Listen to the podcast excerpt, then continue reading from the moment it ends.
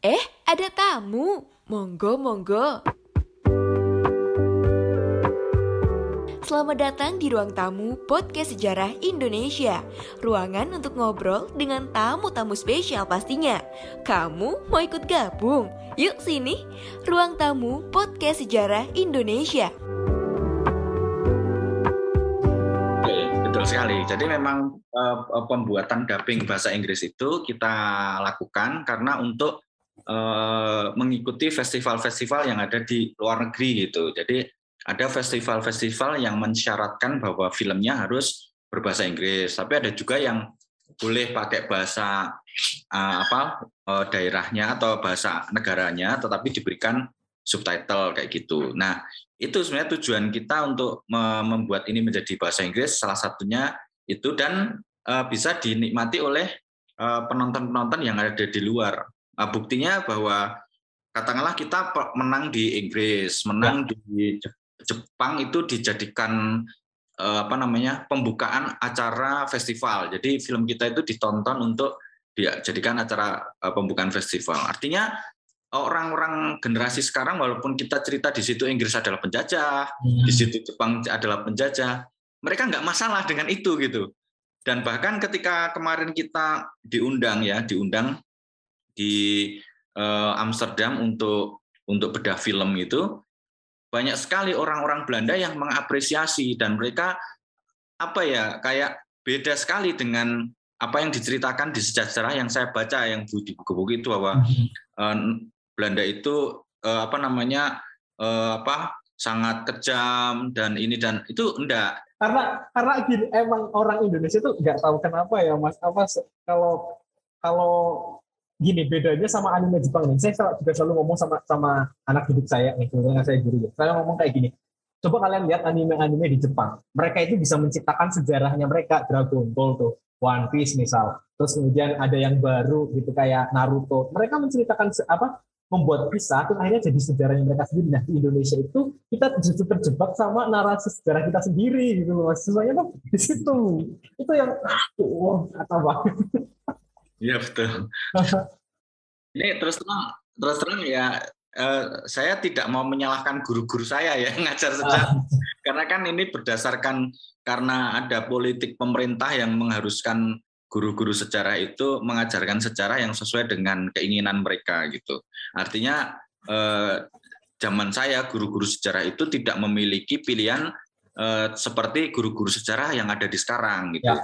Artinya ya pembentukan pembentukan generasi itu dimulai dari apakah kita sebagai uh, orang yang mengalami peristiwa masa lalu dan sekarang di era yang yang sudah bebas ini bisa mengubah mindset kita. Hmm. Akhirnya ketika kita bisa mengubah, terus akhirnya memberikan pendidikan kepada eh, generasi-generasi setelah kita, itu akan tercipta generasi baru yang akan menghilangkan inferiority, rasa inferiority itu. Jadi bukan berarti kita harus ultra nasionalis kayak zaman Nazi ya, oh bangsa lain lebih jelek itu ya enggak gitu.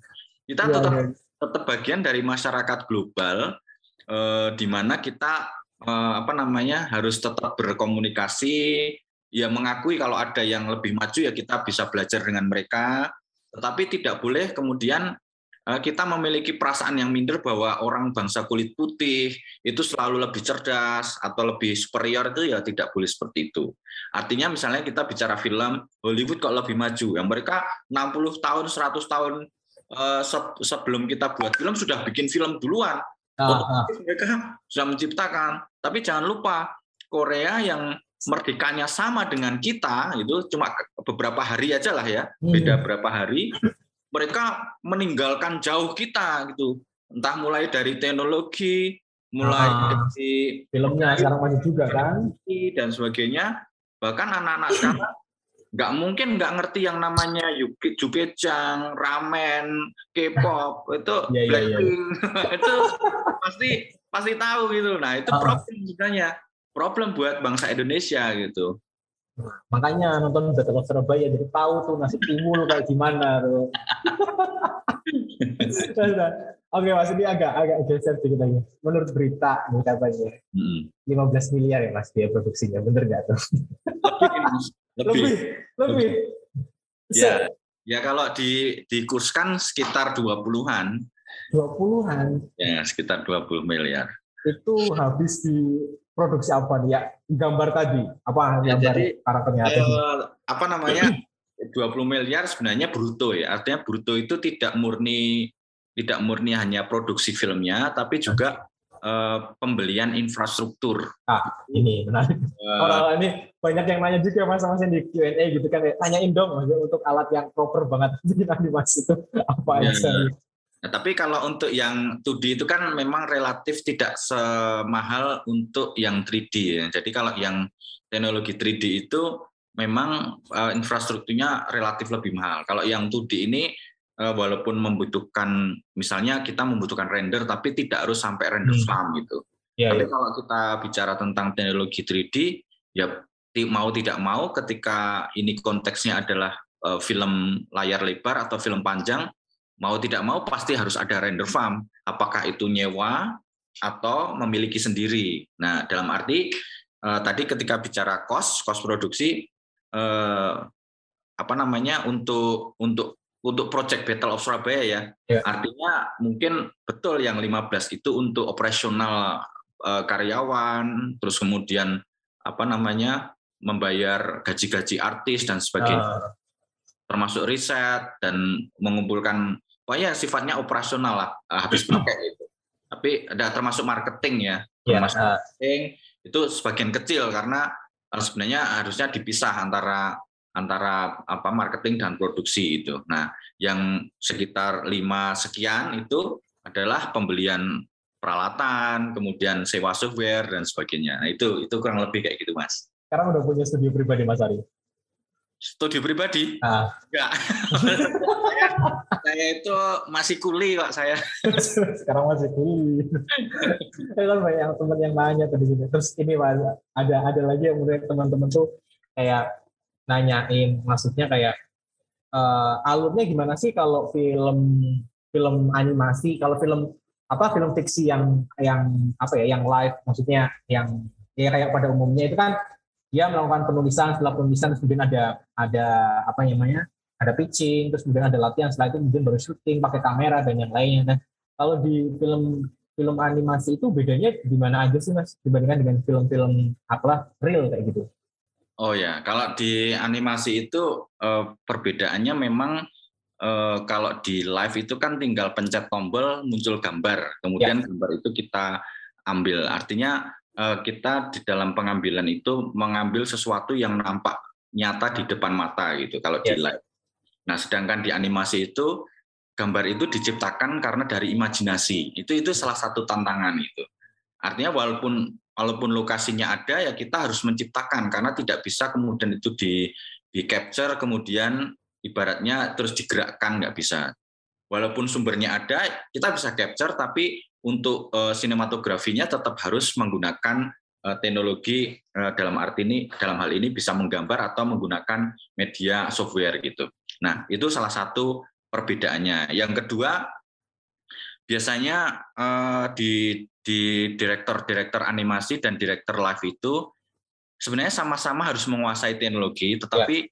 khususnya di teknologi informasi eh di teknologi animasi itu eh, seorang sutradara harus mengerti batasan-batasan kemampuan eh, artis atau sumber ya. daya manusianya, kemudian batasan dari teknologi yang ada dan bahkan batasan dari infrastruktur yang ada. Karena tidak bisa kemudian kita melakukan penerapan uh, apakah itu uh, teknik sinematografi, apakah itu visual effect yang sesuai dengan keinginan. Banyak yang mengatakan bahwa stigmanya adalah Loh, kalau animasi kan bebas tanpa batas itu. Ya, ya itu dia. Imajinasinya bisa bebas tanpa batas. Ya saya bilang gundulmu. karena, karena apa ya? Karena gini, kita tuh tetap ada batasan. Batasannya apa? Batasan imajinasi kita akhirnya kepada budget dan hmm. teknologi hmm. gitu. Ya. James Cameron sampai menunggu sampai 8 tahun untuk menciptakan teknologi uh, avatar gitu. Ya. Nah, artinya artinya bahwa uh, di dalam animasi memang uh, dalam berkreasi tanpa batas, tapi uh, harus ada batasan-batasan secara penerapan khususnya di Nah. dalam sebuah proyek animasi Ya. yang harus diketahui oleh produser dan direkturnya. Itu ini salah satu yang mungkin agak sedikit membedakan dengan eh, film live gitu. Oke. Terus yang bikin penasaran tuh sebenarnya Project Battle of Surabaya ini kerjasama nggak sih mas dalam produksinya itu sama sama orang Jepang nih, maksudnya yang yang dia masuk karena banyak temen yang nanya juga ini kok kayak anu ya kayak mirip Jepang Jepang Jepang atau memang stylenya yang dari dalam orang-orangnya Mas Ari sendiri itu kayak gitu atau memang ada orang yang Jepang ikut masuk ikut apa ya memberikan sedikit sentuhan atau gimana? Orang Jepang yang terlibat di dalam film ini hanya dubber. Jadi si Nah. siapa namanya ya dulu pelawak yang lucu itu yang orang Jepang itu itu jadi Kazuhiro, saya lupa namanya. Eh, terus ada hmm, nam- namanya cewek itu eh, Hamada, depannya saya lupa Mary Hamada atau siapa saya lupa. Itu juga orang Jepang yang kita hire untuk eh, dubbing suara Kyoko. Tapi kalau secara apa namanya tek- teknologi, teknik dan sebagainya itu benar-benar murni semuanya orang Indonesia. Jadi eh, yang orang orang luar itu hanya eh, apa namanya di bagian supervising editing. Jadi Ivan Drummond itu dari Inggris, eh, tapi dia tinggalnya di Thailand. Terus kemudian untuk post produksi eh, apa namanya untuk color grading itu kita di Kantana di studio di Thailand gitu. Jadi eh, mungkin uh, ada juga salah satunya yang compositing musik Ya. itu sebenarnya ada kita ada tim sendiri untuk membuat roughnya, membuat secara kasarnya. Ya. Tapi untuk kemudian mengemas itu ada namanya Richard Hawk itu dia yang membuat uh, compositing untuk Hangover film Hangover 2 yang di iya. Hollywood. Jadi orang orang luarnya hanya sebagian kecil aja tapi uh, hampir 90% adalah orang-orang Indonesia asli gitu. Bangga dong, produk Indonesia, Ya. film Indonesia, share Indonesia, orang Indonesia harus superior jangan inferior ya. Oh iya dong. Iya dong.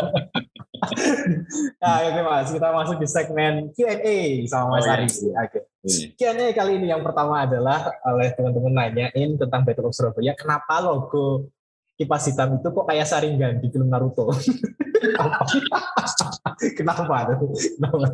Itu ya Mas, sejarahnya Nah. logonya itu saya cari datanya nggak ada, nggak ketemu. Gak ketemu nih. Oke. Terus kita discuss, Hmm. discuss. Waktu itu saya sama sekali belum nonton Naruto, jadi mungkin Belum ya? kebetulan. Jadi eh, saya eh, discuss dengan tim art director Hmm. itu eh, namanya Mas Ermambang Bendung. Mas sih sama Mas Dida Karisma namanya itu karakter desain.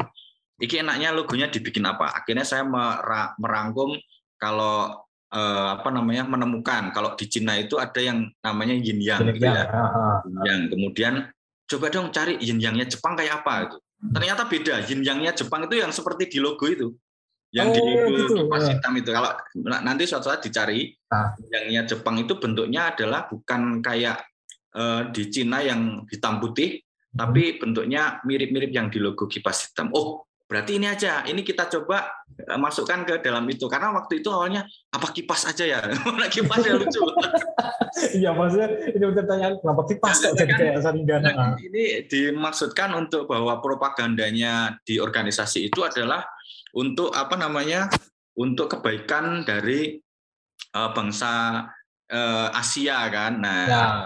propagandanya kita kita buatkan seperti saya jadi ingat ingat Hitler, jadi ingat Hmm. ingat Nazi gitu. Nazi itu mengambil logo Buddha yang kemudian dimiringkan gitu loh.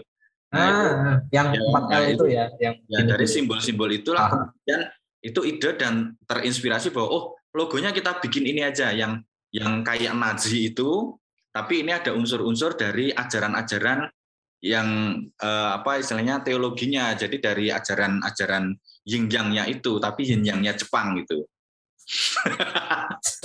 aneh nih, yang nanya emang bener kok kayak mirip gitu.